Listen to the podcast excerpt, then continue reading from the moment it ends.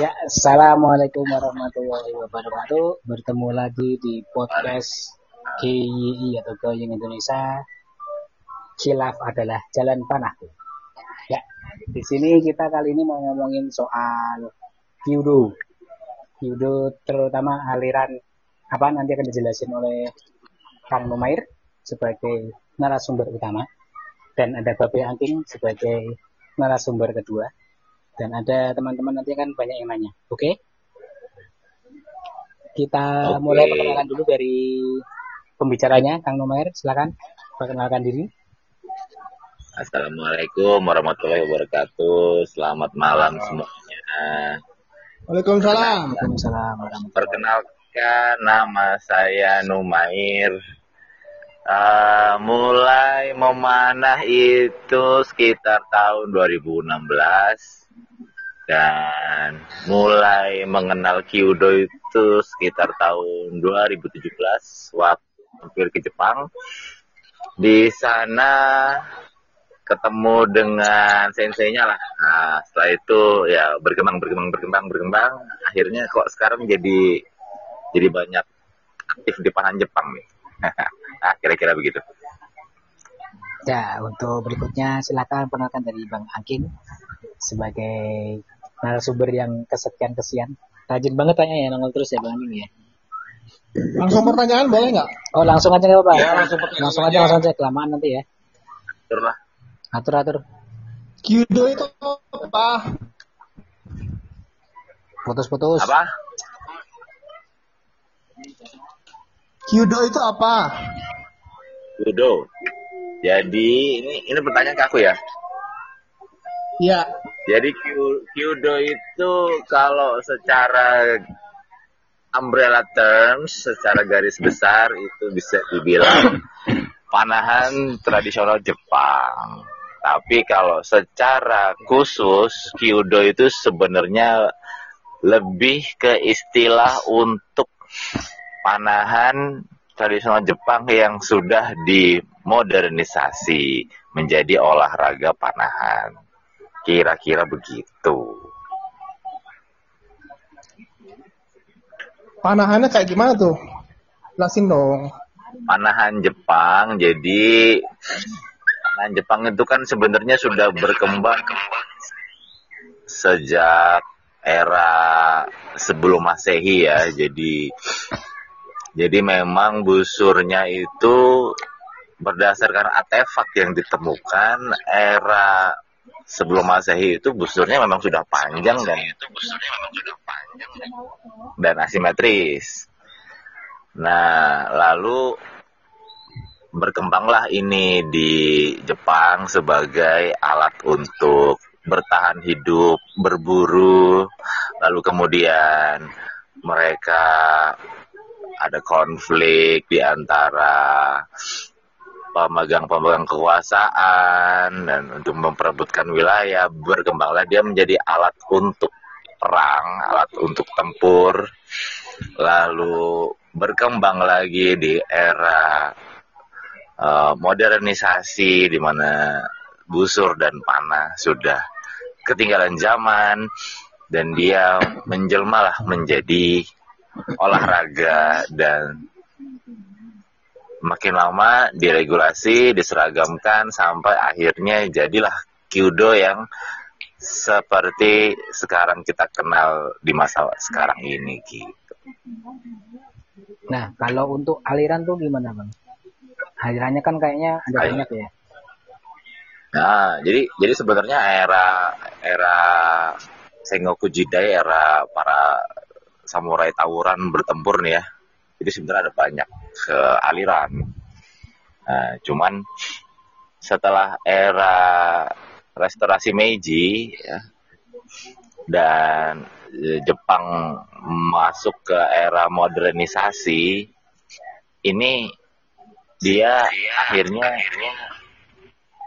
uh, berkumpul untuk merumuskan bentuk panahan Jepang di era damai, di era modern ini, nah itu sebenarnya banyak uh, aliran-aliran uh, sekolah yang hilang atau tereduksi menjadi uh, panahan uh, Jepang secara umum. Cuman ada beberapa sekolah aliran ya yang masih bertahan. Di antaranya itu ada Hekiryu. Nah, Hekiryu ini yang saya pelajarin. Dia sebenarnya fokus ke samurai yang infanteri ya, jadi bukan yang pasukan berkuda. Terus ada juga selain Hekiryu ada Takedaryu. Takedaryu itu dia uh, panahan yang fokus ke panahan berkuda ada juga Ogasawa Ryu Ogasawa Ryu itu dia fokus ke selain panahan berkuda dia ada kayak apa protokoler protokoler yang berkaitan dengan apa uh, tata cara di apa di istana kayak gitu. Tata cara pakai baju tata cara berprotokoler lah begitu kira-kira.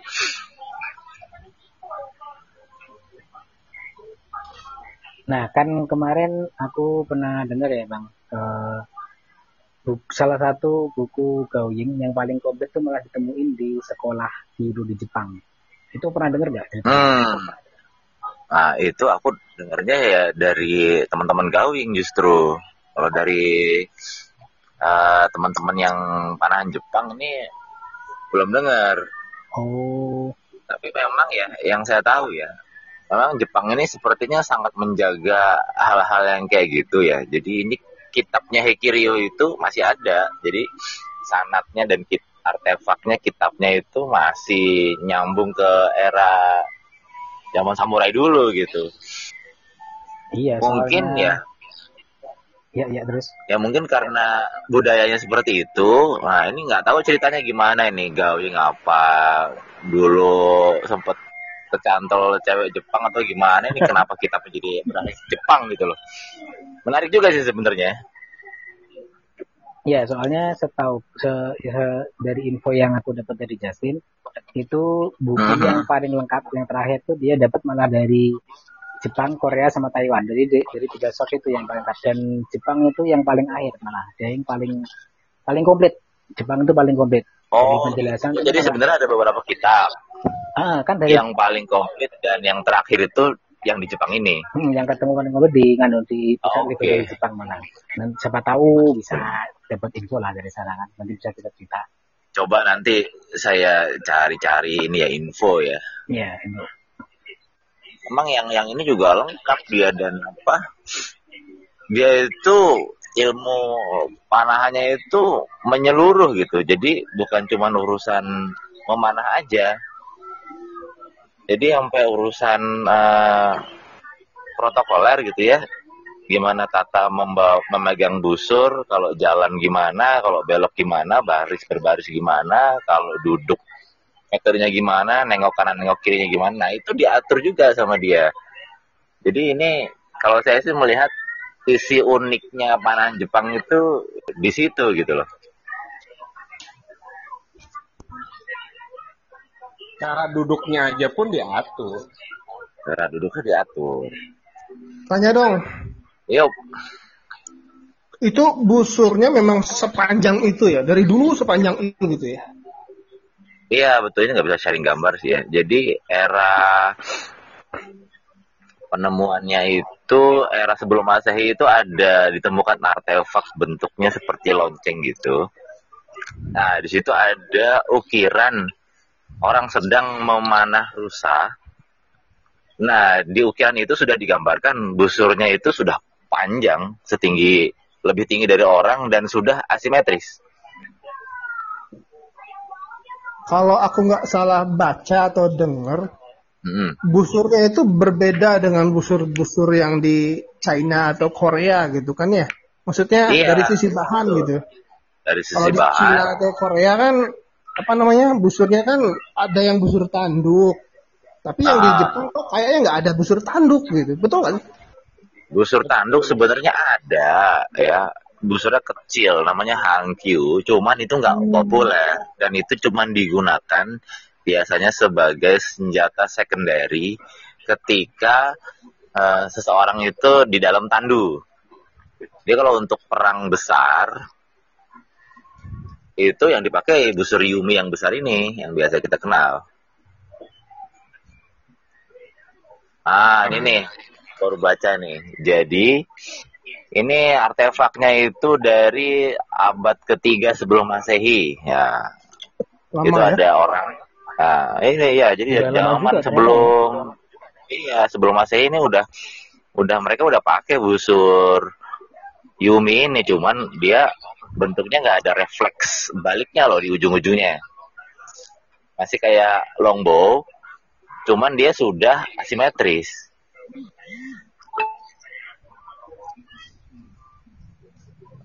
Kalau ya. Oke, okay, lanjut lanjut lanjut lanjut. Kalau belum selesai lanjut. Uh, adapun uh, kenapa dia ukurannya panjang? Ini kalau menurut saya karena sebagai saya produsen busur juga.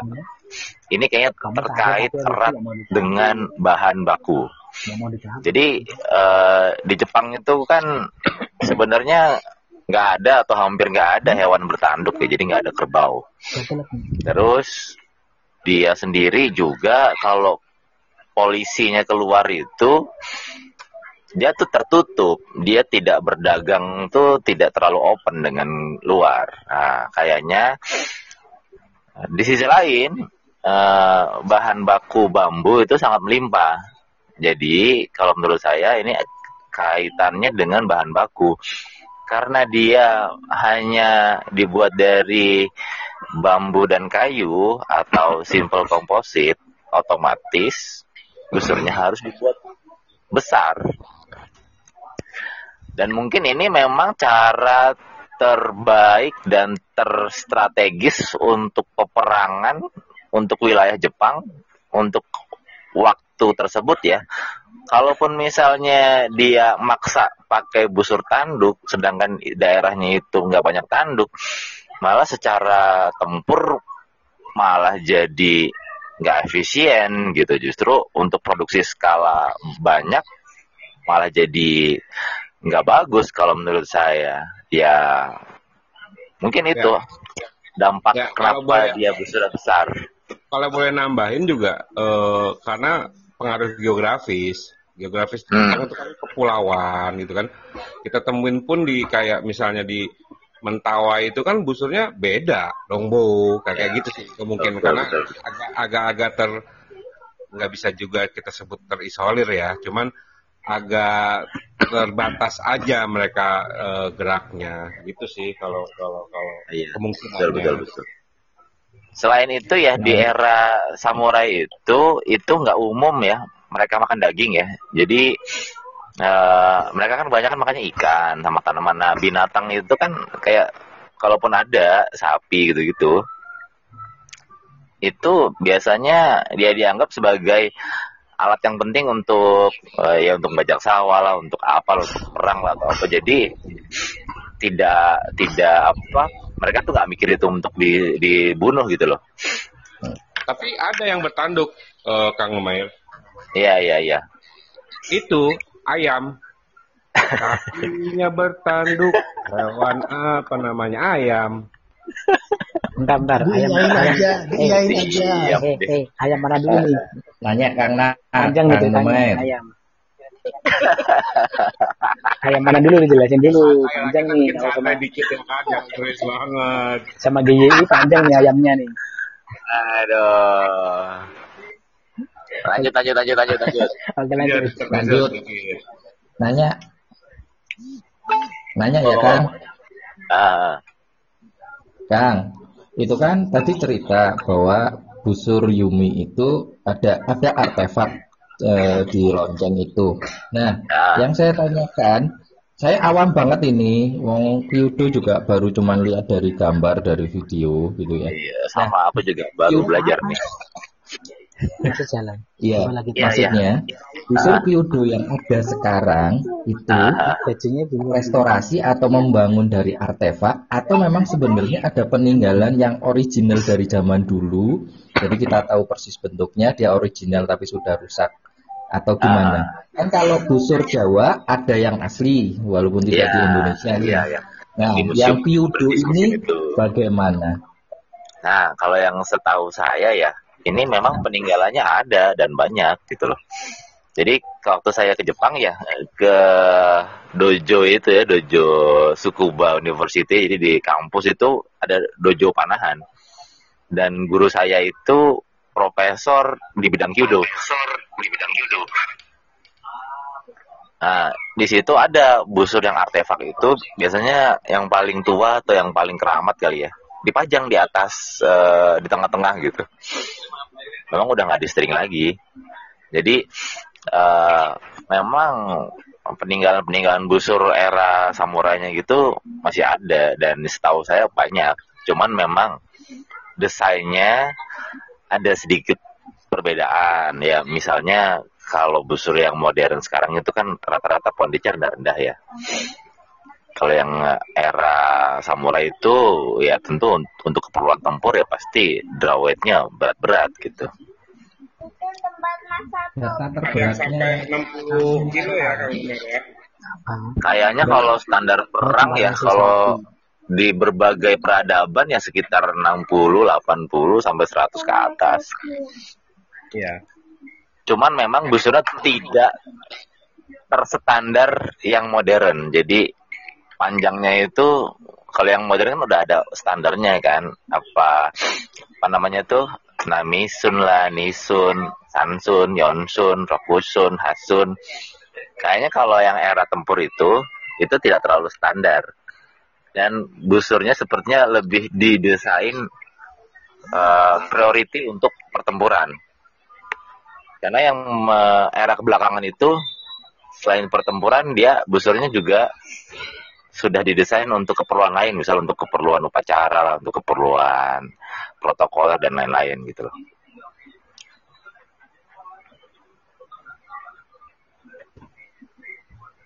Oke, berarti tetap aja besar ya uh, ya.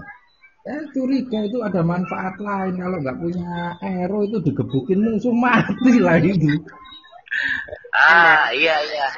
Kalau di sebenarnya kan yang orang biasa tahu itu kan yang kyudo itu yang yang biasa itu yang nge pelan-pelan itu ya.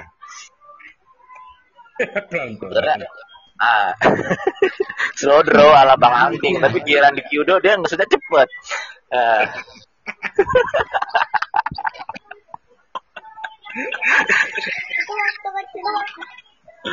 Sebenarnya ada yang yang teknik tempurnya. Teknik tempurnya ada namanya ada kosia terus ada flight shootnya terus ada ada yang nembak di kuil macam-macam lah. Nah ini yang yang teknik tempurnya itu yang saya tahu gerakan akhirnya itu busurnya dipakai untuk seperti menusuk lawan gitu loh. Jadi kayaknya mungkin karena Yumi itu konstruksinya kokoh ya dari bambu dan kayu ya, ya jadi untuk melee battle juga oke-oke aja gitu kayaknya ya. Ya buat gerakannya ya. ada. Ah buat ngetok tupak gitu. Kalau ada yang kita nge-shoot terus sebelahnya senewan tuh ya getok aja kayak Yumi itu. Bilang aja kesenggol ya nggak? Eh. lumayan itu kalau kegetok kang apalagi kalau kena kepala Betul, apalagi yang nyuruh ganti busur. Wah, ini jangan pakai busur yang negara ini, harus yang negara ono. Aduh, itu. Situ sih, eh, eh, situ sih menyerupai kaum lain, nggak boleh, nggak boleh. Jangan menyerupai kaum lain dong. Ah, bagaimana iya, iya. Uh, no, uh, Yumi apa Yu, Kido, Kyudo dan Kyujitsu di uh, Indonesia itu kan uh, ribet banget ya maksudnya uh, busurnya nyarinya susah terus nah. olahraga itu sendiri perkembangannya di Indonesia itu seperti apa kan? Nah itu. Sebenarnya sebelum saya ini udah ada yang aktif uh, berusaha mengembangkan kyudo di sini ya. ya. Saya juga kenal juga. Dia belajar kyudo di Jepang. Waktu dia sekolah di Jepang. Dan sudah sampai kan kalau Kyudo tuh ada kayak bela diri tuh ada tingkatan-tingkatannya tuh ada sabuk-sabuknya. Tapi nggak pakai sabuk sih. Nah udah dan tiga lah dia lah. Nah, cuman kayaknya ya rada kurang berkembang ya nah, baru belakangan ini sebenarnya ketika saya sama ya Bang Angking itu yang yang apa yang kemarin bilangnya kita bikin grup ada studi nah semenjak itu sebenarnya yang saya lihat mulai mulai berkembang lah dikit-dikit gitu. itu Kang Yoeru bukan ya yang Oh bukan, bukan, ya? bukan. Ya? Mas Yoeru bukan. Ada dia teman di Jakarta, Mas eh, Reza San. Dia udah dan tiga. Oh, keren ya. Nah, Yoda sendiri juga sebenarnya uh, saya sama dia beda ini, beda mazhab. Jadi kalau di Panahan Jepang ada mazhab-mazhabnya oh, tuh. Oh iya iya beda ya, Di Panahan Jepang juga ada mazhab-mazhabnya. Beda sanat juga ya, sanatnya kayak nyambung ke atas ya. iya, tuh. mereka sangat disiplin itu kan mazhabnya tuh. sangat disiplin dan mazhabnya masing-masing. Hmm. Luar biasanya Jepang itu, riuknya itu. Jadi jadi di Kyudo itu nggak ada ya pemanah huri ya Kang ya. Kayaknya ada. Ada nggak sih maksudnya pokoknya kayak pokoknya saya nih pengen uh, akhirnya bisa punya punya apa itu uh, Yumi. Terus ah. ya cuman buat bisa nembak tapi tidak pakai pakem-pakem gitu kayaknya aib nggak sih di di Jepang sana? Nah, kalau kalau misalnya itu kan yang namanya barang sudah ke, kepunyaan kita ya sebenarnya bebas-bebas aja udah jadi milik kita mau mau anaknya pakai teknik gawing juga ya nggak ada masalah. Cuman cuman kalau saya kan melihatnya saya tertarik juga gitu loh dengan dengan tekniknya. Jadi udah punya busurnya ya sekalian aja belajar tekniknya juga. Gitu. Maksudnya gini Kang, kan eh, yang kita yang saya tonton adalah semuanya eh, terstruktur banget gerakannya, rapi malah sampai ada yang kayak nari gitu ya dan Jepang kan terkenal menghargai seperti itu. Nah, hmm. ada nggak sih terus yang kayak ke mana di kita kita gitu? Eh, pokoknya ini ada turnamen uh, gathering atau pokoknya family, pokoknya peng gue apa sih nih kayak pertemuan yang ah. apa, bebas nggak terlalu nggak terlalu pakem banget. Ada nggak sih di Jepang sana? Atau memang semua kyudo itu pasti ada pakemnya walaupun beda mazhab lah gitu Iya, jadi yang yang yang nggak mendalami teknik judonya sih saya saya pernah lihat ada aja ya. Jadi ada pemanah Jepang yang pakai busurnya lebih suka pakai busur Korea, kadang-kadang pakai Yumi, ada aja saya tahu. Nah, cuman memang uh, jarang sih jarang lihat ya dan kayaknya memang uh, apa ya? Jepang ini kan sebenarnya orang-orang Kyudo ini yang yang sepengalaman saya ya itu kalau boleh berpendapat rada eksklusif gitu loh. Jadi kayak ya rada tertutup dengan teman-teman panahan yang lain gitu. Kalau Asiatik yang lain kan ini yang panahan Cina, panahan Turki, panahan Korea kan asik-asik aja tuh acaranya tuh bareng-bareng kadang-kadang terus ngumpul-ngumpulnya bareng. Ah kalau yang panahan Jepang memang kalau yang saya lihat rada eksklusif gitu loh. Nah. Jadi kayak organisasi X ya? Bukan, nah, bukan. Kalau dibilang organisasi juga enggak enggak organisasi juga. Enggak, enggak maksudnya mirip sama si itu. Apa disensor gak ya kakak itu? Kakak kakak. X itu apa sih? X bisa diperjelas enggak? itu itu masa aku bilang KPP hmm. kan nggak bagus saya bilang gitu ini kayaknya bang Alun kan juga bang Alun Kang lumayan ya Eh, Bang Angging, Bang Angging ada apa nih Bang Angging? Kalau boleh nambahin jawaban Kang lumayan tanyain apa pertanyaan Kang apa? Eh, Kang Muntasir tadi ya? Muntasir.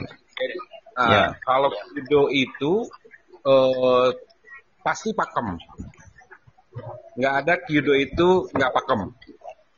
Nah, hmm. yang nggak pakem itu mereka menamakannya ki kyo apa Kang lumayan kyojutsu ya? Oh, Kyujutsu.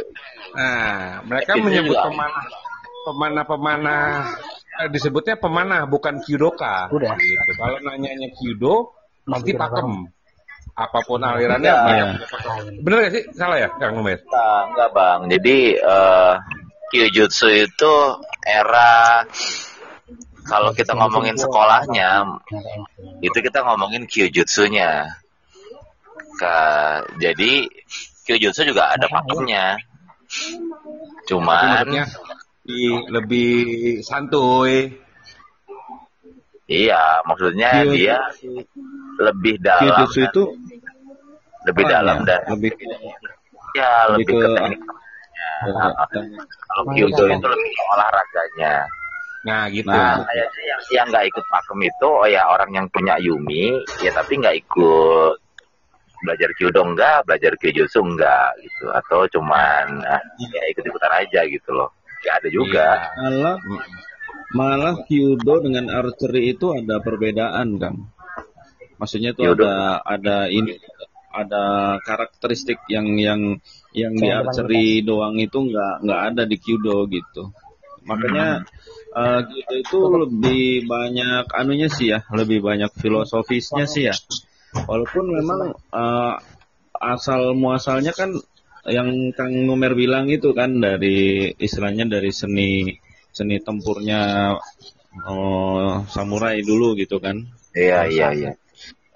Cuman untuk sekarang itu lebih banyak di kayak ya kayak olahraga-olahraga senjata lainnya seperti ya itu seperti uh, kendo dan sebagainya. Oh, lebih ke ya? olahraga kalau kita ngomongin kyudo dia lebih ke olahraga.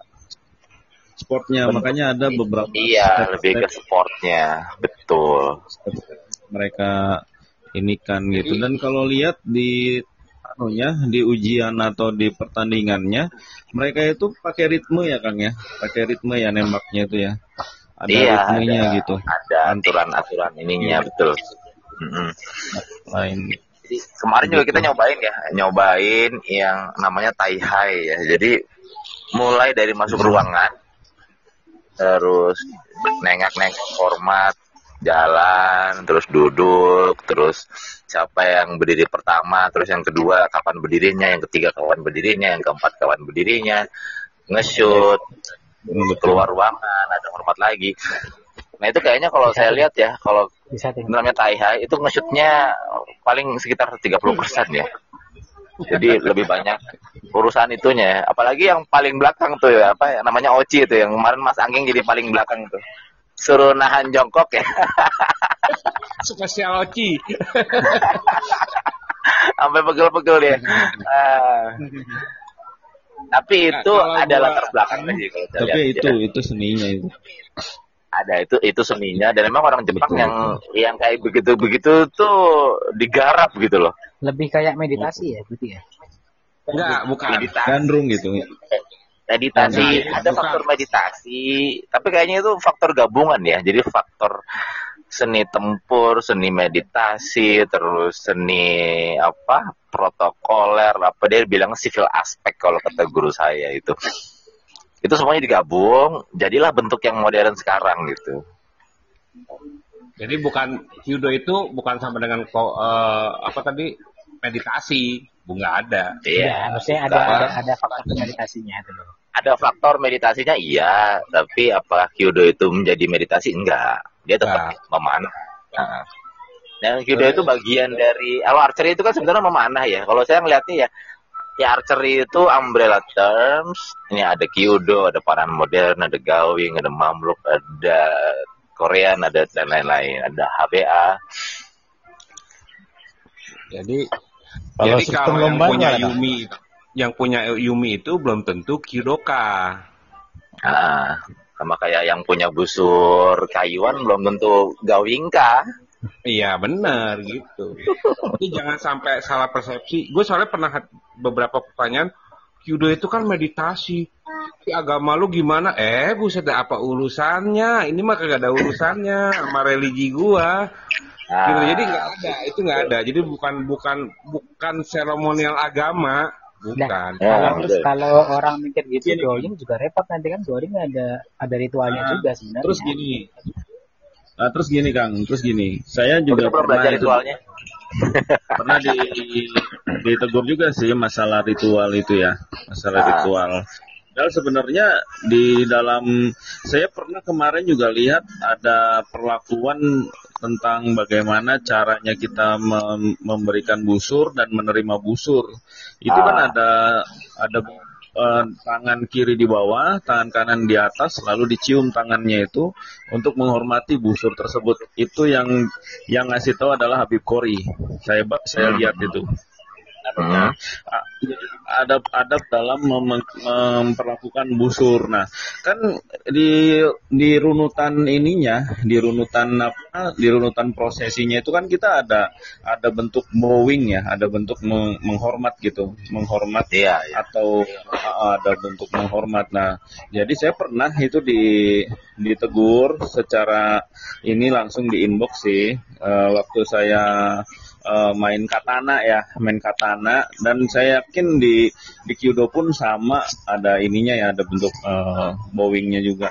Jadi iya. jangan jangan bowing atau jangan uh, sujud atau jangan jangan me, apa sih istilahnya tuh kalau ruku tuh apa ya? jangan mengitu ke selain ah itu saya akhirnya ngasih tahu sebenarnya itu bukan bukan bentuk penghambaan itu satu salah satu bentuk adab kita atau cara kita dalam memperlakukan sesuatu gitu Uh, iya. Cuman yang sih nggak diterima sih itu memang nggak diterima. Kadang ya memang ketika kita sudah bicara budaya, sudah bicara hmm. budaya, atau bicara runutan itu kan nggak bisa kita ini ya nggak bisa kita bandingkan gitu dengan dengan apa yang iya. ini kan karena dalam dalam Islam sendiri Habib Kori pun memberikan memberikan cara memberikan informasi bagaimana cara beradab kepada busur yaitu hmm. ketika diserahkan busur di tangan kiri di bawah lalu busur di atas tangan kiri lalu tangan kanan menutup lalu kita mencium tangan kanan tersebut sebagai penghormatan kita kepada busur tersebut.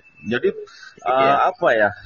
Kalau saya sih kalau saya sih karena memang memang koleksi beberapa senjata, ya senjata itu kan saya perlakukan ya dengan dengan baik, tidak tidak juga dikeramatkan, tidak juga istilahnya tidak juga saya mandiin suro kan, enggak. Loh, enggak apa-apa ya? mandiin, biar seger. Nah, ketika kita memiliki sesuatu, ketika kita mempunyai sesuatu apalagi itu adalah perkakas itu. Perkakas itu kan teman iya. ya. Perkakas itu buat seorang lelaki itu adalah teman. Adalah uh, kalau misalnya kita masuk ke kesatriaan, ke ini ke tentaraan, uh, senjatanya itu lebih uh, rifle-nya itu itu lebih dekat dari istrinya.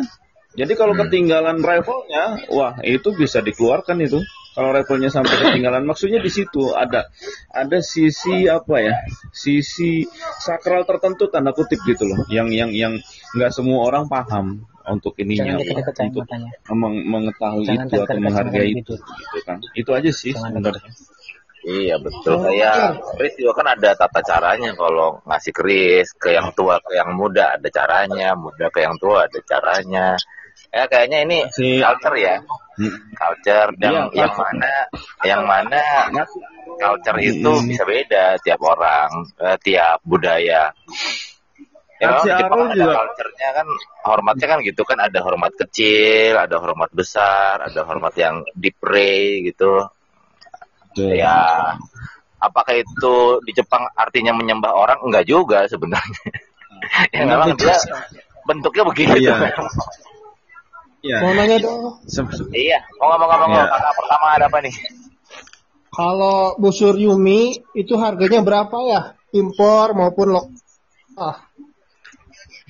Kalau dulu aku beli ya di Jepang itu harganya sekitar mulai tiga komaan deh seingat saya tiga komaan empat komaan kalau yang uh, synthetic lamination ya fiber glass atau fiber carbon kalau yang busur bambunya itu yang organik ya, organik itu kayaknya di belasan sampai puluhan juta deh kayaknya deh.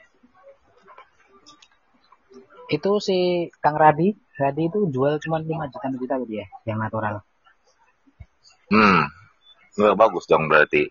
Ya, dia jual yang baru mana temannya apa 5 juta setengah apa 6 juta. Tapi ya sabar-sabar aja hmm. namanya sampai kapan nggak jadi sampai kapan jadi nggak tahu hmm. soalnya kan ya, kalau natural pengeringan bambu kan juga lama, lama kan kalau aku iya. sempat nanya bikin ya. cornbow. Hmm. Iya, oh. pengeringan kan paling enggak setahun juga kata itu pengeringan bambu. Setahun tanpa kena matahari. Iya. Kering angin lah, kering angin. Hmm. Kering angin. Kalau dipaksa kering iya. nanti beda itunya. Iya, rapuh dia. Ah. Eh itu kan itu kan busur. Kalau kalau bahan aronya sendiri apa ya? Kalau yang aslinya gitu. Aslinya itu kalau itu kan di panjang sekali tuh yang biasa dipakai itu uh, mereka kalau yang video modern ya kebanyakan itu pada pakai eastern uh, karbon atau aluminium nah yang pakai bambu itu nanti kalau udah tingkatannya level atas baru dia wajib pakai bambu bambunya biasanya bambu tonkin yang saya tahu tonkin Jepang ya Tahun King Jepang ya episode Sasa Japonica nah, atau itu... mungkin yang ya sekitar itulah kayaknya mirip-mirip juga sih bambu Jepang sama ya, bambu sama, Cina. Sama. Harganya nah, aja yang beda. Uh, Kalau di Jepang harganya masih udah langsung lipat-lipatnya. Kalau itu ya? kalau di kalau di Indonesia itu sudah ada semacam ini enggak asosiasi kudo gitu ada nggak itu? Belum kayaknya belum belum terbentuk ya baru kita kita aja. Asosiasi udah lah Kang. Asosiasi oh iya iya iya tapi belum terlalu resmi juga. Si Reza itu kan di ini ditunjuk sama sana jadi asosiasi Indonesia nya kemarin. Hmm, hmm, hmm. Kalau nggak salah ya, kalau Kyudo ya. Berarti sama kayak ya, kita tapi ya. kita Indonesia, Indonesia dan seluruh Asia Tenggara itu masih belum resmi terdaftar, kan. Oh. Berarti oh, jadi, Kiryu yang malah yang terdaftar ya? Jadi ya, belum ada organisasi juga kayak... ada keorganisasiannya juga. Yang ada keorganisasiannya itu kan Kyudonya. Kalau perguruannya itu nggak ada organisasi. Uh -uh. Oh jadi nggak ada Faspatinya gitu ya? Belum ada gitu ya? Iya, belum ada. Tapi kalau di Jepangnya ada yang yang meliputi internasionalnya International Kyudo Federation, IKF kalau yang Inter Jepangnya ada ANKF. Nah, cuma setahu saya terakhir itu Asia Tenggara itu masih belum resmi terdaftar. Baru apa ya? Belum terdaftar tapi baru kayak ya, calon gitu lah. Ya, setting udah. Nah, kalau tadi kan ada dandannya tuh, ada tingkatannya. Berarti kalau nggak hmm. terdaftar itu kita ngambil ngambilnya ke mana tuh, Kang? Oh tetap, tetap bisa ujian, tetap bisa ujian. Ke Jepang. Ke Jepang. Hmm. Dan dan dan dannya itu dia Kyudo ya, bukan Hekiryu-nya ya. Kalau di Hekiryu-nya nggak ada, nggak ada tingkatan. Iya, iya di Kyudo maksudnya. Iya, nah, dia emang uh, unik sih, malah yang di ya kalau di silat itu jadinya kalau di silat kan biasanya tingkatan itu ya di perguruannya. Kalau saya di percaya dirinya atau yang teman-teman misalnya di merpati putihnya tingkatannya, bukan di ipsinya. Nah, kalau Kyudo ini tingkatannya itu di Kyudonya, di IPSI-nya, ah, di perguruannya malah nggak ada. Hmm. Oh, malah kebalik ya, berarti ya? Iya. dan dan Kyudonya itu lebih mendominasi ketimbang perguruannya. Oh, kayak kalau aku pernah dengar yang kayak apa? Ya, ya itu, apa itu? itu kan juga ah? asosiasinya lebih mendominasi daripada itu daripada perguruannya itu ya. Iya, ya. daripada sekolahannya. Hmm. Uh. Ya sama lah, Terus kayak asosiasi di sini oh, mendominasi iya, iya. Di sini lebih juga Enggak, ya. kalau kalau di sini itu kalau silat ya yang dia bukan, itu uh, sekolahnya, iya perguruannya masing-masing. Bukan Kang, asosiasi panahan kita. Ah, ah, ah kan mendominasi. Itu kan mendominasi semua. Iya iya, kalau kalau panahan kan bukan martial art ya. Kalau ini kan mereka seperti martial art itu itunya. -mm. Ada berapa aliran sih Kang? Kan ada Hekiryu, terus ada apa lagi Kang Ryu yang lainnya? Ada kalau sekarang sih yang yang aktif ya mungkin yang yang yang yang nggak kedengeran juga banyak, cuman yang yang masih kedengaran besar yaitu Heki Ryu, Takeda Ryu, hmm. Ogasawara Ryu. Hmm. Jadi dan itu pun yang juga mereka tabu untuk menyebutkan saya dari Heki Ryu nih gitu. Jadi ya mereka bilangnya ya, ya kita orang Kyudo aja gitu loh. Kyudoka aja oh, gitu. aja ya. Ah, yang, jadi kalau kalau di silat kan saya orang PD nih. Nah, kalau di Kido enggak, mereka justru seperti tabu ya kalau saya dari perguruan ini ya gitu. Dia lebih ke ya kita sama-sama Kyudo gitu. Oh, dia berarti lebih mengutamakan persatuan kali ya. iya, iya betul. Cuman kadang-kadang ada ada jeleknya. Jadi iya yang eh, spirit tempurnya itu kan ada di perguruan sebenarnya ya. Hal-hal yang yang nyambung ke era samurai itu kan lebih banyak di ranah kitab-kitab perguruannya. Nah itu jadi kayaknya kalau saya lihat ya jadi jadi kurang kegarap gitu loh. Mereka ada ribut-ribut kayak kita juga nggak Kang? Ada, ada ribut-ribut urusan sepele ada. Apa yang bedain kamu antara itu?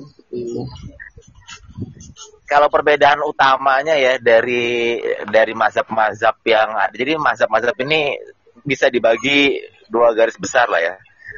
Mazhab yang gayanya showman sama yang gayanya shaman. Itu kalau dilihat shaman. bedanya yang showman ini yang yang sebagian besar praktisinya pakai yang teknik ini itu busurnya hmm. ketika diangkat kan dia diangkat dulu diangkat di tengah-tengah yeah. itu showman sebagian besar oh. uh, Kyudo itu pakai teknik ini 80%. Nah, okay. yang sebagainya lain yang yang Hekiryu pakai ini ini yeah. teknik uh, shaman namanya. Jadi busurnya itu diangkatnya dari samping sebelah kiri.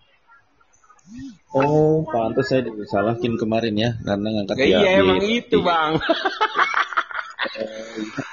Sambil duduk pula lagi lo. ya. Konsepsinya konsepsinya beda Kang ya. Iya, Mana nanti detil-detilnya ada ada beda-beda lagi tiap guruan ada yang kakinya begini, ada yang ya kayak ini lah, ada kayak Hashimi, ada Tohiri, ada Isaki, nah di Kyudo juga ada. Oh, iya. Itu sikap pasang oh, iya. kakinya beda-beda dia. Lihat di YouTube aja random mengangking. iya bang, santai bang, yang penting setoran. Itu. iya, kita mah kan bikin salah dulu, masa iya. Kita kan nakal dulu, salah dulu baru belajar. iya, jadi jadi jadi paham karena apa ya? Saya saya lupa di katana aja kan riunya banyak sekali kan alirannya kan dan dan sangat apa ya menurut saya malah mereka sangat disiplin banget megang riunya itu Hmm. itu Chris, Bang, Chris, Chris, Chris Senpai aja itu gregetan ngeliat gua, Bang. Kenapa, Bang? Kenapa? Bang Awa mau nanya nih, Kang. Oh. Monggo, monggo, monggo. Monggo. Ya, Kang Numair. Uh, saya baru dengar ini ya, atau mungkin karena saya yang belum belum banyak ngerti. Di Panahan Ya rata-rata kalau di kita itu kan ya sudah mana aja nggak ada jenjang belum ya belum saya belum terlalu kenal. Nah hmm. di Kyudo itu kan jelas itu berarti ada jenjangnya ada dan gitu ya. Nah, saya hanya kenal dan di bela diri di taekwondo ada. Nah ini bisa nggak Kang gambarin apa ya? Pertama ininya eh, berapa berapa level sih di Kyudo? Yang lalu yang bisa, kedua, Kang. Saya, saya bantu saya potong dulu Kang, nggak bisa digambarin Kang. Karena kita podcast suara nggak bisa pakai gambar. Hati-hati, hati-hati. Iya Kang, iyalah. Jadi saya nggak jadi nanya ya. Jadi lanjut, lanjut, lanjut, lanjut. Yo, yo, yo. Ya lah gitu. Maksudnya gini. Ya. Ya, yang saya ya. lihat memang si Kyudo ini dia memandang panahan itu sebagai bela diri gitu loh. Hmm, yang mana bela diri kan kebanyakan memang ada tingkatan-tingkatannya kan. Betul. Nah, Betul. itu yang saya lihat paling bedanya penahan selain kyudo dengan yang kyudo ini gitu loh. Kalau kita kan lihat ya nggak terlalu ngeliat sebagai bela diri ya, sebagai olahraga mana. Dia melihatnya ya, ya sebagai ini ya ini kayak silat gitu loh, ada ada tingkatannya, ya. ada ini. Nah, Setahu saya ini... itu ada delapan tingkat ya kalau nggak salah. Aku juga belum terlalu paham sih ya. Delapan, Ingat delapan. Aku sih ada delapan dan terus nanti ada tambahan lagi tingkatan yang sifatnya itu bukan dan tapi lebih ke penghormatan apa apresiasi gitu kalau nggak salah. Hmm. Honoris causa. apa ya. gitu kalau nggak salah. Sampai 10. Mungkin yang praktisi panahan Jepang eh Pak yang bersih bela diri Jepang tahu. Mungkin mungkin sama mungkin. Mungkin sama. Anu Kang. Uh, ya. uh, kalau bela diri kan saya kayaknya agak jelas ya bahwa dan itu uh, sejajar dengan kemampuan tarung lah gampangnya hmm. gitu ya. Nah, oh. di di Kyudo ini apakah itu uh, basis penghitungan apa ya? Basis tingkatnya berdasar kejituan atau gimana sih? Ah, iya, iya, iya, iya, Jadi ya ada gabungan. Jadi ya belum tentu juga yang yang level level apa tingkatannya tinggi di sini jago berantem juga kan ya kan ada umur juga ada dia pakai senjata apa enggak terus sendirian apa keroyokan ya kan jadi itu udah kompleks kalau ngomongin itu Cuman uh, yang setahu saya yang diuji itu satu kecakapan-kecakapan teknik, teknik memanahnya, oh. terus iya. terus hmm. juga ya akurasinya. Cuman kalau untuk awal-awal, setahu saya akurasinya itu nggak dinilai. Nanti oh. dan berapa gitu, baru ada harus kan dia dua kali nge-shoot tuh, dan sekian harus satu target kena dan sekian mungkin dua-duanya kena. Nah, selain dari betul, teknik betul. memanah dan akurasi, juga ada uh, itu tadi civil aspek tadi masuk ruangan itu udah dinilai. Ini masuknya pakai tekniknya, ada ada tekniknya. Jalannya kanan dulu, kiri dulu, terus ada waktu ritmenya, ada hitungannya, ada hormatnya berapa detik, arahnya ke mana, hormatnya bagaimana, duduknya bagaimana, itu juga dinilai gitu. Bahkan dua langkah ya Kang. Mungkin ya? kalau dua yang di, di, di tingkat atas tuh cara kan dia kalau yang tingkatan cupu kayak kita kan cuma pakai baju gi ya. Kalau tingkatan oh, atas dia pakai lagi kimono. Mungkin itu cara ngelepas kimononya juga termasuk teknik gitu loh. Bahkan sampai ini Kang Lumer ya kemarin ya, sampai dua langkah kita keluar tuh, dua langkah kita keluar area itu masih dinilai. Masih dinilai. Nah itu. Jadi kita keluar nih, keluar keluar area, dua langkah ke depannya itu dinilai baru itu baru bisa kita uh, agak lepas gitu. Kalau begitu iya. keluar yeah. pintu kita bercanda nilainya kurang. Kalau istilahnya evaluasinya portofolio kan dan uh-huh. dannya itu jadi uh, dia dia dia memang ada keseluruhan ini sih keseluruhan aspek yang dia ini kan dan ada targetnya misalnya dan satu dan dua itu targetnya apa gitu mereka punya hmm. punya kriteria target tertentu begitu yang saya yang saya anu dari beberapa penjelasan di YouTube sih. kalau akurasi itu malah di atas dan tiga kalau nggak salah. Iya, di atas dan tiga kalau nggak salah akurasi. Baru kita uh, dihitung akurasinya. Betul bang, betul. Awal-awal kan masih forum bang ya, kan masih penting kan forum dulu kan. Sama Kayaknya di ya. semua panahan ya, mamuk, going dan lain-lain kan yang utama basic itu formnya dulu. Kayaknya itu yang yang penting dulu dinilai. Ha. form. Eh, bener nggak basic trainingnya itu pakai makiwara juga, pakai jerami juga? Eh, maksudnya blank point apa namanya itu? Kayak Gauzen gitu. Iya. Betul betul betul betul betul. Jadi kalau yang konon kurikulum sadisnya yaitu sekian bulan belum boleh pegang busur sekian bulan boleh tapi uh, belum nge sekian bulan maki warat doang. Nanti sekian bulan baru nge target jarak dekat nanti sekian bulan baru targetnya menjauh gitu. Kayaknya itu di semua ini deh semua budaya panahan deh yang saya tahu ya. Kayak gitu deh kayaknya deh. Oh enggak, ya? enggak, enggak. Di, di kita enggak. Aslinya, ya? kita ya? baru main langsung 10 meter, langsung 30 meter. Maunya 70 oh, meter. Oh iya, Hmm. Di kita juga itu kan pegang busur langsung jungkir balik. Mana sih 70 tuh? Dikasih tahu sama Pak Albert, udah dikit dong ternyata ah kelamaan mau semua langsung 70 katanya. Capek. Itu kan mazhab Abu Sauki itu yang sambil jungkir balik.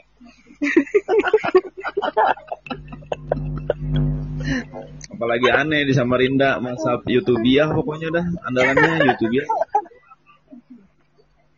Nah, makanya Kang Kang uh, Andre kita itu kemarin akhirnya hmm. karena negara kita kepulauan terus uh, Yumi apa Kyudo itu gurunya sangat-sangat terbatas akhirnya ya. akhirnya dengan me, bukan meniru ya mengcopy sedikit mengcopy sistem dari Going kita buat tuh uh, ya. tempat uh, untuk belajar Kyudo Facebook tapi hmm, alirannya iya, khusus Hekiryu nah hmm. bicara sanat sanat kita ini uh, sam, uh, ke Shinsei Goka ya Kang Numair ya? Iya. Tuh. Nah, dibantu oleh sampai kita itu dari uh, Malaysia, Chris. Hmm. Iya, itu sanatnya nyambung sampai ke era pen pendiri Hekiryunya, era samurai itu. Gina ya, ya. Sanatnya sanat ini sanat langsung ya, bukan sanat buku ya, ya bukan ya? Bukan, bukan, bukan. bukan. langsung ada. Saya bikin lainnya itu dari Heki Danjo Masatsugu pendiri Heki Ryu sampai guru kita Sensei Goka itu ada nama-namanya. Bukan ngaku-ngaku kan? Kebetulan oh, Sensei Goka ini Kang Soki Sensei Goka ini kebetulan itu ada memang keturunan lahir, keturunan darah juga dengan Inagaki Sensei ya Kang Numer ya? Oh bukan, bukan keturunan darah. Sensei Goka itu belajar langsung dari uh, guru yang lebih awal. Jadi oh. jadi uh, Inagaki Sensei belajar dari Okayama. Nah, Goka Sensei ini waktu SMA-nya hmm. belajar langsung sama aliran Okayama gitu. Baru hmm. pas setelah kuliah belajar di Sukuba di bawah uh, Sensei Inagaki apa dan Sensei Matsuo gitu. Dan kebetulan juga Kang Mama ya, dan kebetulan juga buat informasi uh, uh, sama gimana bilangnya? Sama kayak going mereka juga uh, kayak sama kayak majas apa yang itu yang model yang kita pelajarin. Mereka juga uh, koreksi kita grupnya juga online. Nah itu untuk memudahkan uh, ini sih memudahkan uh, transfer ilmu aja. Mm -mm. iya. Berarti yang turun temurun beneran itu Jepang, Korea ya berarti ya? Benar oh, ya? gitu, Korea juga ya? Aku baru Korea kalau nggak salah turun temurun itu, benar-benar turun temurun. Kalau kayak Cina itu kan putus, jelas putus. Tapi Turki juga putus, di... Turki itu. Di Korea katanya nggak diajarin agak detail katanya. Itu kalau main kata si Kohyong apa Kofian, cuman diajari udah jepet aja tarik jepet gitu. Ya mungkin beda aliran kali kan banyak Korea katanya iya, alirannya. Banyak banget katanya. Yang jelas ya, iya, yang aku tahu turun temurun itu berarti Jepang, Korea, Cina itu putus, India mah nggak ada putus. Apa namanya Turki hmm. juga putus. Kalau ada yang ngaku-ngaku nyambung ya biarin aja lah. Turki itu jelas putus. putus. putus. Tapi dari ini ya, dari mempelajari buku ya kayak Gawing ya, dari iya, artefak buku, dipelajari ya, ulang ya. Kita juga nggak ngaku-ngaku. Kita juga nggak pernah ngaku-ngaku apa turun temurun nggak pernah kan hmm. iya iya iya iya. Berarti ya, menarik yang sih bersanat Hikiryu ya. Oke kita bikin sanat Hikiryu kayak gitu ya. Nyambung hmm. sampai ke atas. Nyambung sampai era Sengoku Jidai. Iya panjang nyambungnya kan? Panjang. Sing. Tuh, nanya dong prinsipilnya. Moga moga itu kan busurnya bentuknya aneh itu. Atas panjang bawah pendek. Itu bagaimana rasanya itu? Kalau saya pernah pelajari dengar-dengar itu kan kalau ditarik gelombang transversal itu pegangannya itu pas banget dengan titik nol. Jadi nggak bukan di lembah bukan di gunung. Nah, jadi katanya sekitarnya lebih lebih lebih lebih smooth gitu. Apa betul gitu ya jadi oh, ada ada beberapa teori sih. Satu itu soal getaran, tapi kalau saya pribadi melihatnya itu lebih ke ground clearance. Maksudnya itu kan sudah panjang. Kalau dipegang tengah-tengahnya, berarti lim bawahnya panjang juga kalau limbahnya panjang mungkin akan menyulitkan untuk manuver misalnya mengendap-ngendap lah terus berlutut atau di atas kuda busurnya harus switch kanan ke kiri kalau saya sih ngeliatnya lebih ke situnya sih kayaknya ya Oh iya, iya. artinya Sama, kalau ditarik, uh, kalau, feelingnya itu yang sama. dirasain maksudnya itu, uh-huh. Tapi Apanya? Yang atas lebih, lebih lentur atau yang bawah lebih lentur atau gimana? Yang atas lebih lemah. Oh gitu. Hmm. Terus kalau feelingnya itu busurnya itu secara fisik rasanya lebih berat karena memang satu busurnya lebih berat karena kan dia lebih besar. Kedua, kita megang nggak di center gravitinya, jadi rasanya tuh lebih kayak kita megang tongkat, bukan megang di tengah-tengahnya, tapi megang di ujungnya gitu, rasanya lebih berat kan. Nah jadi rasanya megang lebih berat. Ya kalau saya sih melihatnya itu ya untuk melatih otot juga gitu loh. Ya. Balancingnya susah oh, soalnya. Terus, terus ada miring-miringnya enggak atau lurus? Megangnya lurus atau miring? Kalau di format uh, olahraganya, format kyudonya lurus. Lurus. Hmm. Lurus. Di tangan aja ya. Tangan kanan. Karena kan kalau miring tegak, tegak, tegak lurus dengan badan ya. Nah, kalau megangnya sendiri, kalau tangannya itu rada miring. Kalau miring itu uh, kita untuk balancingnya susah Kang, serius Kang. Karena berat Kang busurnya Kang. Jadi iya. karena dia berat dok dan berat atas, makanya uh, dibikin tegak lurus 90 derajat itu ya mungkin ada ada ada tujuannya tersendiri ya.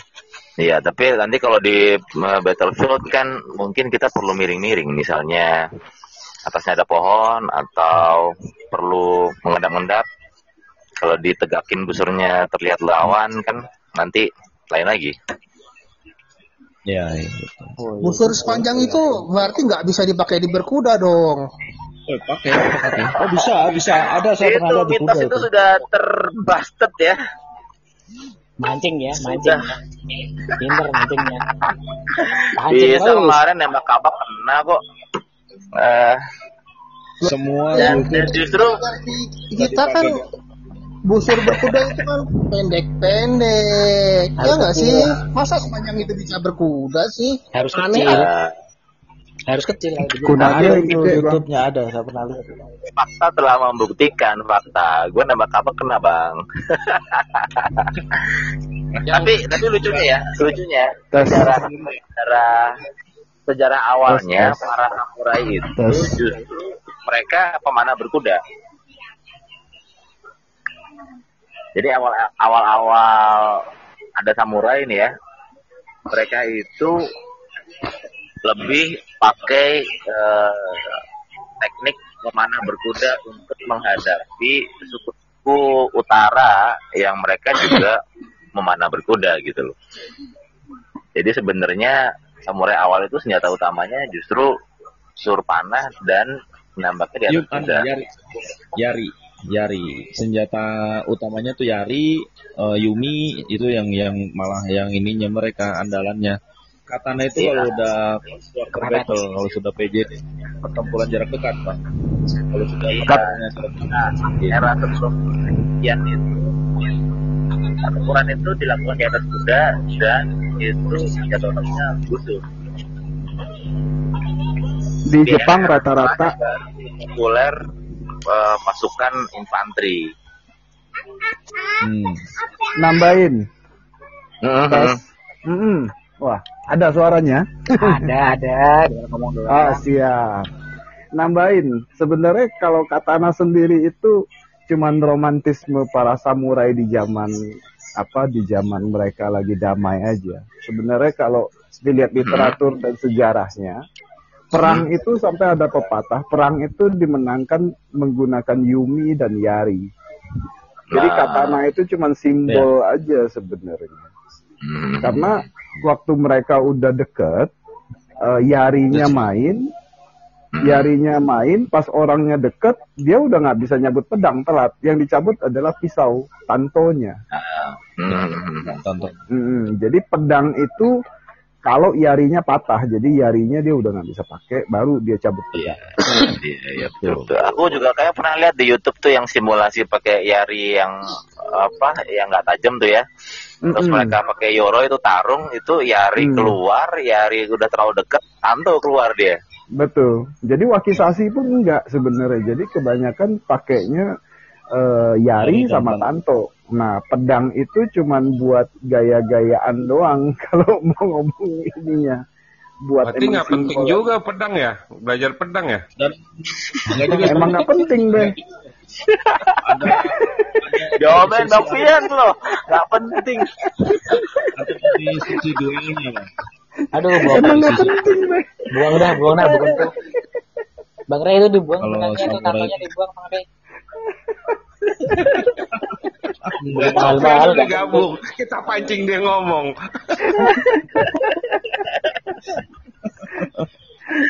ya, ya memang memang memang kalau kalau mau mau ngomong secara realita memang pedang itu uh, memang hanya sidearm kayak pistol gitu loh. Oh, Orang kalau kalau right, kalau kalau zaman sekarang kan tentara bawanya rifle, pistol sama pisau. Hmm. Cuman kan oh. Pistolnya itu kalau rifle-nya udah habis peluru bener-bener. Hmm, Pas iya, jarak dekat kan juga nggak nembak pakai pistol kan. Oh. Ada lah room clearance segala macem ya.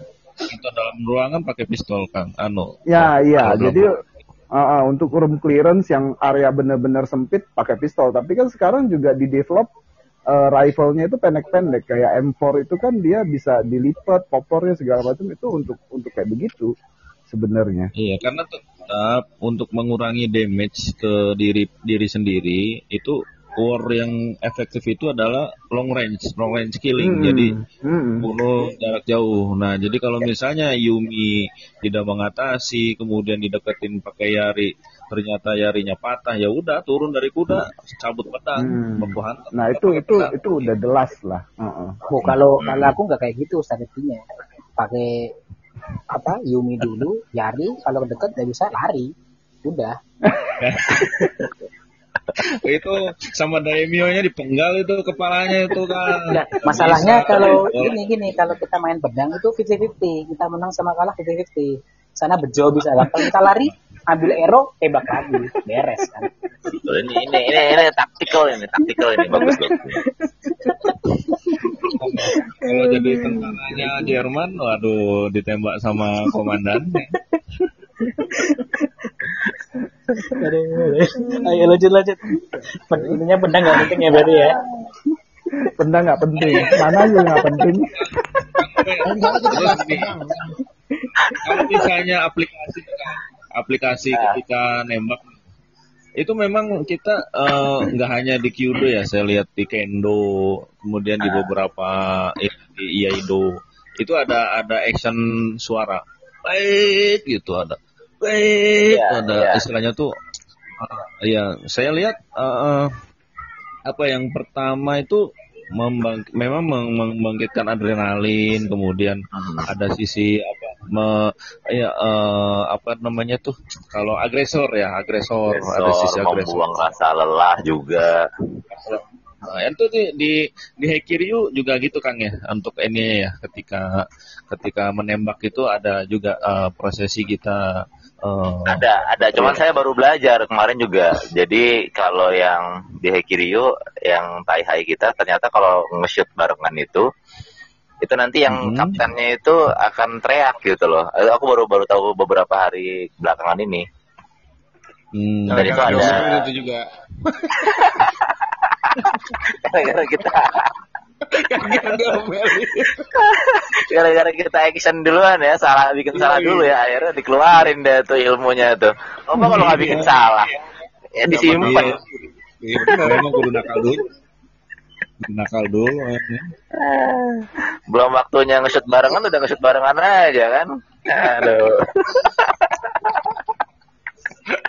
Belang-belang lah nge lah. Aduh. Oh iya, kalau kalau jarak jarak tembaknya itu seragam ya? Atau gimana sih? Kalau, kalau konteksnya kyudo, jarak tembaknya itu uh, yang umum itu 28 meter. Oh, 28 hmm. malah ya. Kadang-kadang ada, ada event tertentu yang 60. Eh, 60 ya Kang ya? 60 ya? Ya, ada 28 ya? yang paling umum, kadang-kadang ada yang 60 kadang-kadang. Oh, 60. Berarti kayak jemparingan ya? Jemparingan juga 30, 28, 30 tiga dua. Targetnya unik ya Kang ya? Pakai kayu ya Kang targetnya Kang? Targetnya pakai kayu, terus ah, bingkainya kayu, targetnya kertas, belakangnya tuh dia bikin gundukan tanah, jadi arrow nggak akan rusak. sama kalau kena itu bunyi bunyinya khas tuh pap gitu kayak gendang gitu bang Andri gendang gendang apa tahu oh. gendang gendang gitu Oh iya, iya. Jadi tinggal diganti aja kertasnya ya kalau anu ya. Kalau sebenarnya nambahin lagi nih. Yang soal uh, jarak tembak kyudo itu ada yang namanya NTK. NTK itu dia long range. Dulunya di di diselenggarakan biasanya di kuil-kuil dan itu oh, iya, biasanya iya, yang nembak uh, uh, yang nembak itu para samurai yang ranking atas biasanya. Jadi ya, itu ya, ya. 50, hmm. 60 sampai 90 meter nembaknya. Iya, itu, itu 24 jam.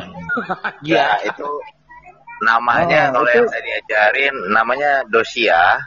Dosia itu hmm. dilakukan di koil apa namanya ya, Sangun apa gitu. Kuilnya masih ada sekarang di Kyoto. Hmm. Jadi jaraknya itu jauh, jaraknya itu 120 meter kalau nggak salah. Kuilnya itu panjang. Terus uh, atasnya itu ada sailing. Jadi kalau kita terlalu elevasinya terlalu tinggi kena atap, kalau terlalu rendah nggak sampai. Ya, ah, jadi justru iya, iya. di situ ada seninya tuh jadinya tuh. Busuro juga kayaknya berarti pondesnya harus pas juga gitu loh. Kalau terlalu lemah, dia elevasinya ketinggian karena genteng. Ah, itu di, kalau kita mampir ke Kyoto, mampir ke kuil itu, itu masih ada sisa-sisa yang aero era samurai itu nancep di genteng tuh ada masih ya. Kayaknya lucu juga tuh kalau dibikin pertandingan dengan challenge mirip-mirip gitu ya. Kalau ke atas dia kena uh, nyangkut sesuatu, kalau ke bawah dia nggak sampai. Iya kalau nyangkut. Nggak bisa kan Kalau mantul repot nanti. Masih busur fiber mah nggak bisa itu. Gua 90 lbs kemarin itu cuma berapa? 120. 1200. Tapi 1200. Kasih 1200. Tapi Yumi di Jepang ada ada carbon fiber loh, Be. Iya, kebanyakan iya, pas gua fiber, fiber kayak kita doang kok. fiber fiber kayak kita doang terus pakai berat ya gak bisa itu mah Ya, baca tentang dosa do dosa dalam merupakan kompetisi uh, yang paling terkenal di era Kyoto dilakukan di kuil namanya Sanju Sangendo di Kyoto. Hmm. Bukan Peserta di dalam kuil ya, di pelataran kuil. Di teras kuil, di teras kuil. Iya, di teras. Hmm. Jadi pemanah itu disediain sekitar eh, sepuluh ribu, tiga belas ribu euro, shoot selama 24 jam. Luar biasa. Yang rekornya itu selama 24 jam itu rekor ada yang berhasil nge-shoot 8.133 euro. Eh dan. Ah, ya pernah dengar. begitu dapat informasi itu langsung minder. Ero aneh di rumah, ero aneh di rumah berarti kurang 6.500an lah. Ternyata masih kurang ya 1.500 ero.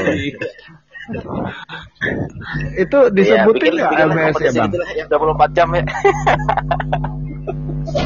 itu LBS disebutin nggak tuh?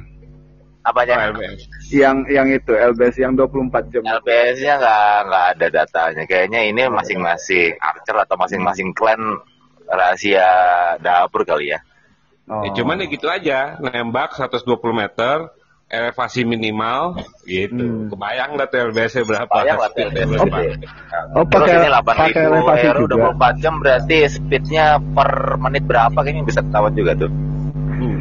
Oh, berarti masih pakai elevasi atau lurus ya? Iya, pakai pakai elevasi ya. Masih pakai elevasi lah 120 meter. lurus. Cuman elevasinya di titik yang sweet spot juga. Iya, kalau terlalu tinggi karena terlalu tinggi kan ada atap. Hmm. Harusnya nggak boleh pakai elevasi dong. Busur yang tadi. Apalagi Jepang ya kan, kalau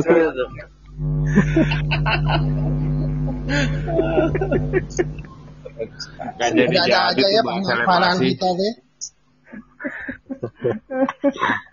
Gimiknya aneh-aneh.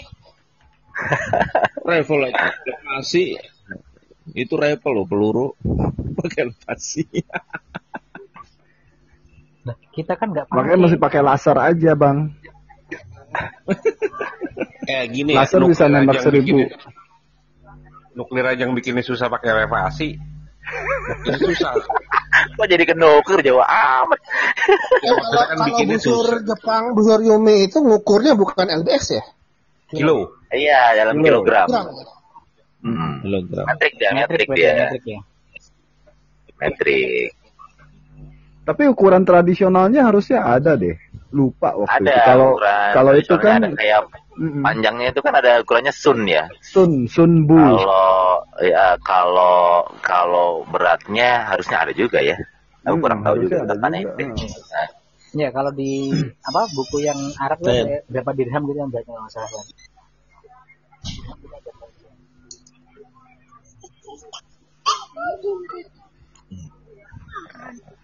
Ayo, apalagi yang mau ditanyain? Oke, oke. Gimana? Ada yang mau nanya lagi? Yang tadi mau dibahas nggak? Ah, bahas yang mana dulu nih? Yang mana tuh? Yang mana tuh? Yang mana nih? Yang hangat, yang hangat. Itu yang yang kenapa Anda malah memilih Jepang? Oh iya. Kenapa bukan Arab? Eh, itu kan aslinya nggak boleh kan kalau masuk-masuk ke kuil gitu, itu nggak boleh, tahu nggak sih? Silakan kakak pertama menjawab. eh dulu, dulu di di yang awal-awal ada loh yang gitu, yang yang apa namanya?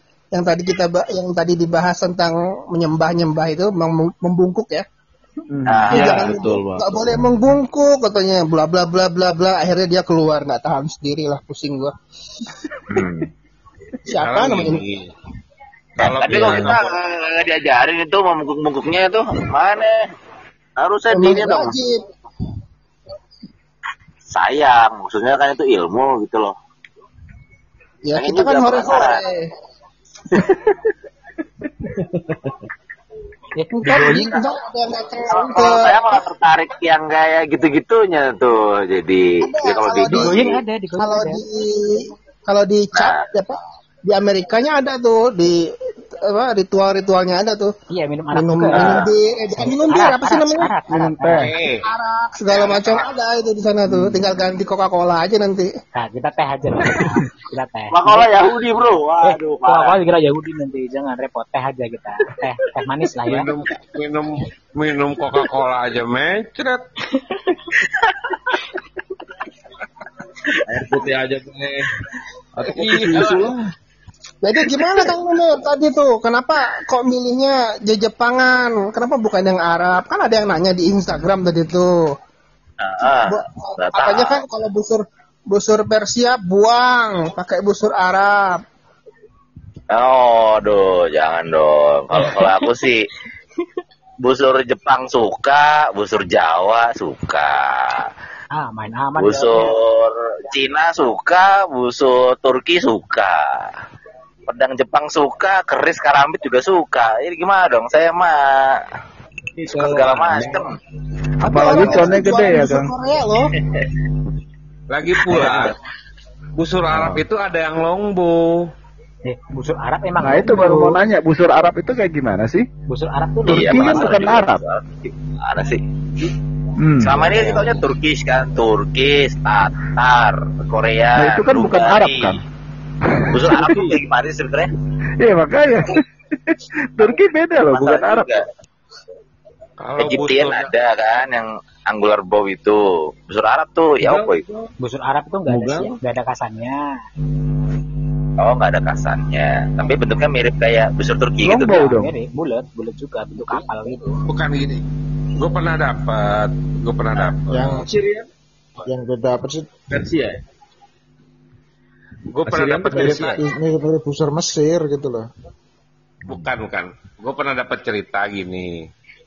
Busur yang dibilang busur Turki sekarang yang beredar itu, coba deh bawa ke orang yeah. Turki.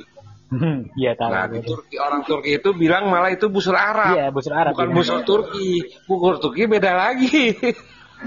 ah, Turki itu yang Ottoman ya Kang ya? Iya Bang ya, yang Ottoman itu ya. Iya maksudnya yang gimana ya? Dekuk ya. Teman-teman gimana ya? Gue bingung dah. Tahu sedih eh ya nggak tahu dah ya gitu dah. Bingung ngomongnya. itulah itulah itulah, bang. Itulah pentingnya pentingnya literasi bang. Dan pentingnya punya beberapa mod, merek sama model ini. Punyanya punya lokal doang. Udah bilang masalah busur Arab sama busur anu Jepang. Eh, dia punyanya lokal bendingan doang. Ya nggak bakal ngerti-ngerti lah. kayak tapi dia jualan busur Korea loh bang.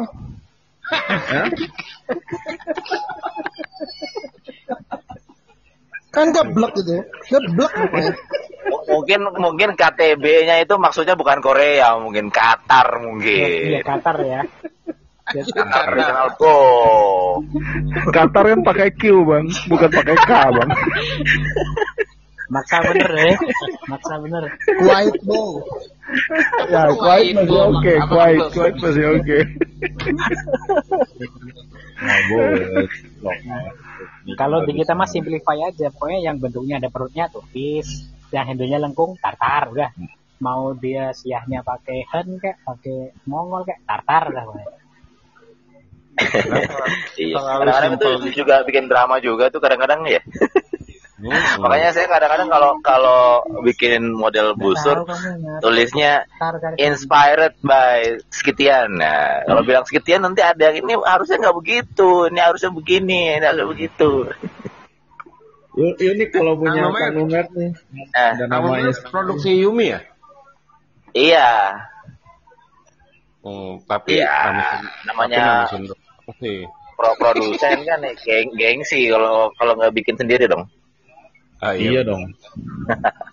Bang Umer. Bang Umer. Yep. Jogja mau nerima nih. Jarinya sehat. Dari sehat banget ini. Oh, berantem juga bisa ini. Serius. Tambangin nih. Itu jaringnya Kenapa milik yang mana sih? Bang Nomael, jaringnya Apa? milik yang mana sih? Sampai dua biji. Jari yang mana nih? Itu sampai dua biji, gile gede juga. ini, ini mah buat gaya-gayaan doang, biar kelihatan kayak anak nakal gitu loh. apa, eh, apa anak nakal? Ngetril aja ngetril gitu kelilingnya kok. Minum ngetril juga minum ya kalau zaman SMP kan pasang apa tuh dan soplah biar kelihatannya habis berantem kan nah ini sama gitu kemarin kenapa kang cedera kenapa kang kemarin ini ya. ini nggak kenapa kenapa oh jadi kemarin gini Kang, ada yang latihan. Ya, gua nggak mau, gua nggak mau ngesut, gua nggak mau ngesut ya kan. Ya biasa kita kan bagian kompor aja. Enak nih, enak nih, disut juga. Tadi gua mau lihat jatuh, gua mau tag dokternya, dokternya kan temen Evi. udah, udah lihat ya. Paling besok diomelin paling tuh lu gak tertib aku kayak kalau halbet tuh. Halbet tertib di bulan tiga bulan gak ngesut gak ngesut bener dia. Oh iya. Tuh kok abet eh kok abet beda dia. Sekali operasi 20 copot 20 pasang 20 hmm. udah 40 itu dapat berapa bro tuh 60 iya 60 totalnya kan kan normal mah kayak itu aja bikin bikin salah dulu katanya ya gimana dong jadinya Kang Numail ke Cimande cuma modal kopi. Kang Numail balik ke Yumi ya. Kan Yumi itu kan pada zaman dulu pasti dipakai buat tempur. Malah berapa literasi itu mengatakan uh, kunci kemenangannya adalah uh, ya. Yuminya ya. gitu kan ya. Yumi nah, uh, dengan tapi mungkin tekniknya itu nggak seperti yang di uh, beredar di YouTube kali ya yang lama dulu, anu dulu. Berarti teknik fast shootingnya juga mungkin ada gitu ya, atau teknik ada. shootnya juga ada gitu ya.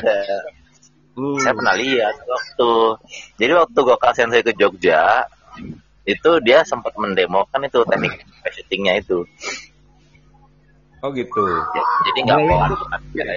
Cuman, cuman fast fast shooting Kyudo uh, Kyudo kayaknya nggak secepat kalau fast shooting yang yang biasa dilatih kayak si Mihai atau apa karena yeah. mereka cara ngambil arrow-nya aja tuh lama sekali gitu dari bawah ya dari bawah uh.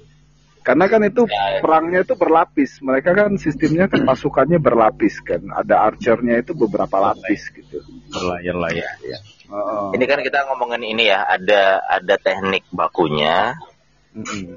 tapi di di lapangan kan bisa saja si archer itu punya teknik uh, simpanan ya? dia sendiri yang hmm. yang lebih detailnya yang mungkin bisa menambah speed dan lain-lain mungkin equipmentnya juga di adjust. Kalau teknik Mihai kan dia nggak nggak ada ikatan bahwa ini gue teknik menjaga tradisinya nih. Mm-hmm. jadi kayaknya ya kalau teknik tradisinya ya sudah baku. Mm. adapun nanti kalau saya sendiri sih bisa aja itu saya modif quivernya saya modif dikit tekniknya bisa nambah speednya. Ya bisa aja gitu loh.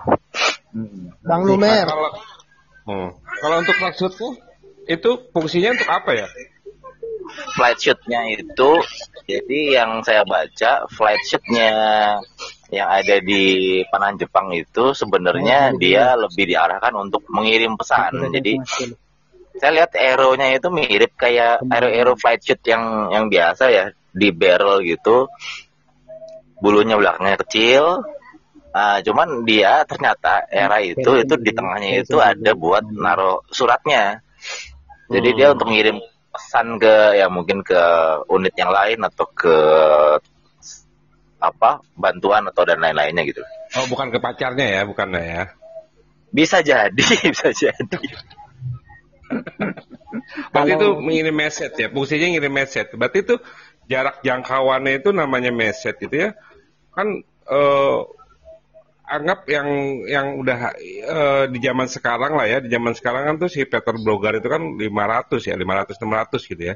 Berarti kan nggak ah. bisa sejauh itu atau lebih dekat dari itu atau lebih jauh dari itu? Kalau nggak salah sempat ada yang ya, chatting-chatting sama saya ya di di Facebook itu sekitar 400 meteran gitu. Oh. Tapi memang dia beda. Kalau di Turkish itu kan flat shoot itu kan gengsi gengsian ini ya sebagai sport ya. Maksudnya ya dia memang benar-benar uh, gengsi bahwa gue bisa jauh-jauhan nih. Oh bukan ya, nah, maksud maksud aku gini Kang Noel. Dari dari situ kan uh, kita ngebayangin ya shoot Jepang hmm. itu kan uh, ngirim pesan kan message. Dan hmm. karena bukan buat gengsi kan berarti mungkin uh, tidak tercatat atau gimana gitu ya. Tidak tercatat hmm. rekor gitu ya. Nah dan itu iya, sebenarnya itu jaraknya itu dia berapa sih? Bisa berapa sih busur sepanjang betul, betul, itu betul. tarikan sepanjang itu gitu ya? Itu hmm. paling jauh itu ya berarti sekitar 400 meter tadi ya? Iya saya pernah ngobrol-ngobrol gitu. Jadi gini sebenarnya kan kalau dari busurnya itu sebenarnya bagus dia. Karena makin panjang tarikan itu kan terpropulsinya artinya makin lama dia. Hmm Cuman masalahnya dengan panjang tarikan seperti itu, aeronya kan otomatis harus lebih panjang. Mm-mm. Otomatis lebih berat. Kayaknya yang plusnya itu di busurnya, minusnya itu di panjang aero. Tapi mm. saya juga pernah lihat, jadi ada alat kayak zipper, persis kayak zipper, cuman versi Jepangnya. Itu nanti aku aku mm. sharing lah di. Pernah aku sharing kemarin kok di ini di grup Hekiryu. Siper apa ini? Apa bukan apa? bukan Majra. Majra ada, ya Majra Tokah ada. Tapi yang itu, itu saya lihat itu kayak siper. Oh, Oke. Okay. Nah, itu ada juga Majra ada juga, cuman kayaknya yang untuk jarak jauh itu lebih ke siper sih. Hmm. Kalau Majra kayaknya lebih ke untuk uh, supaya Aero tidak bisa dikembalikan lawan kayaknya. Kalau nggak pakai Aero lawan. Itu Majra ada di mana berarti ya? Senjata rahasianya ada di mana-mana itu. Rahasia umum kan? Uh, tapi namanya bukan Majra kalau di Jepang. Namanya apa ya lupa ya. Oh iya, Kang Rome, emang ada satu yang aku suka dari Kido nih. Apa nih? Archer ceweknya cakep-cakep. Udah, makanya hijrah aja ke sini. Di Kendo juga banyak yang cakep-cakep dong. Ya lihat postingan tadi. Pertanyaannya pertanyaannya di Gawing mana yang cakep-cakep nih? Nah, ada tuh garing-garing semua. Ada, ada sih. Ada. Eliza. Ada. Ada. Ada. Gurunya Eliza. Pakai itu loh. Gurunya Kang Suryo itu.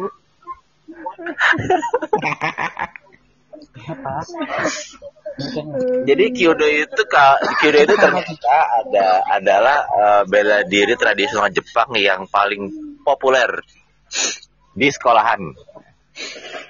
Dan dia itu lebih populer di kalangan siswa wanita. Kenapa tuh Kang? Nggak tahu kenapa ya. Harus kenalan dulu sama kehidupan cewek sana kayaknya. Dulu ntar tak tanyain deh, ada alasan deh jadinya deh. Tanya si itulah si Misau Misoka itu loh. Misauka. Misa si Mosan. Kenapa jadi Misauka? eh, itu nama siapa? Kau ubah-ubah. Izin dulu nggak? Namanya diganti-ganti terus. Nama orang namanya. Kadang Misako, kadang Miyako. Harus Mi depannya tuh. Jadi inget Miap. Apa? Apa? Apa tadi? Mi siapa? Miap, miap, Oh, miap. ya, miap. Ingat miap.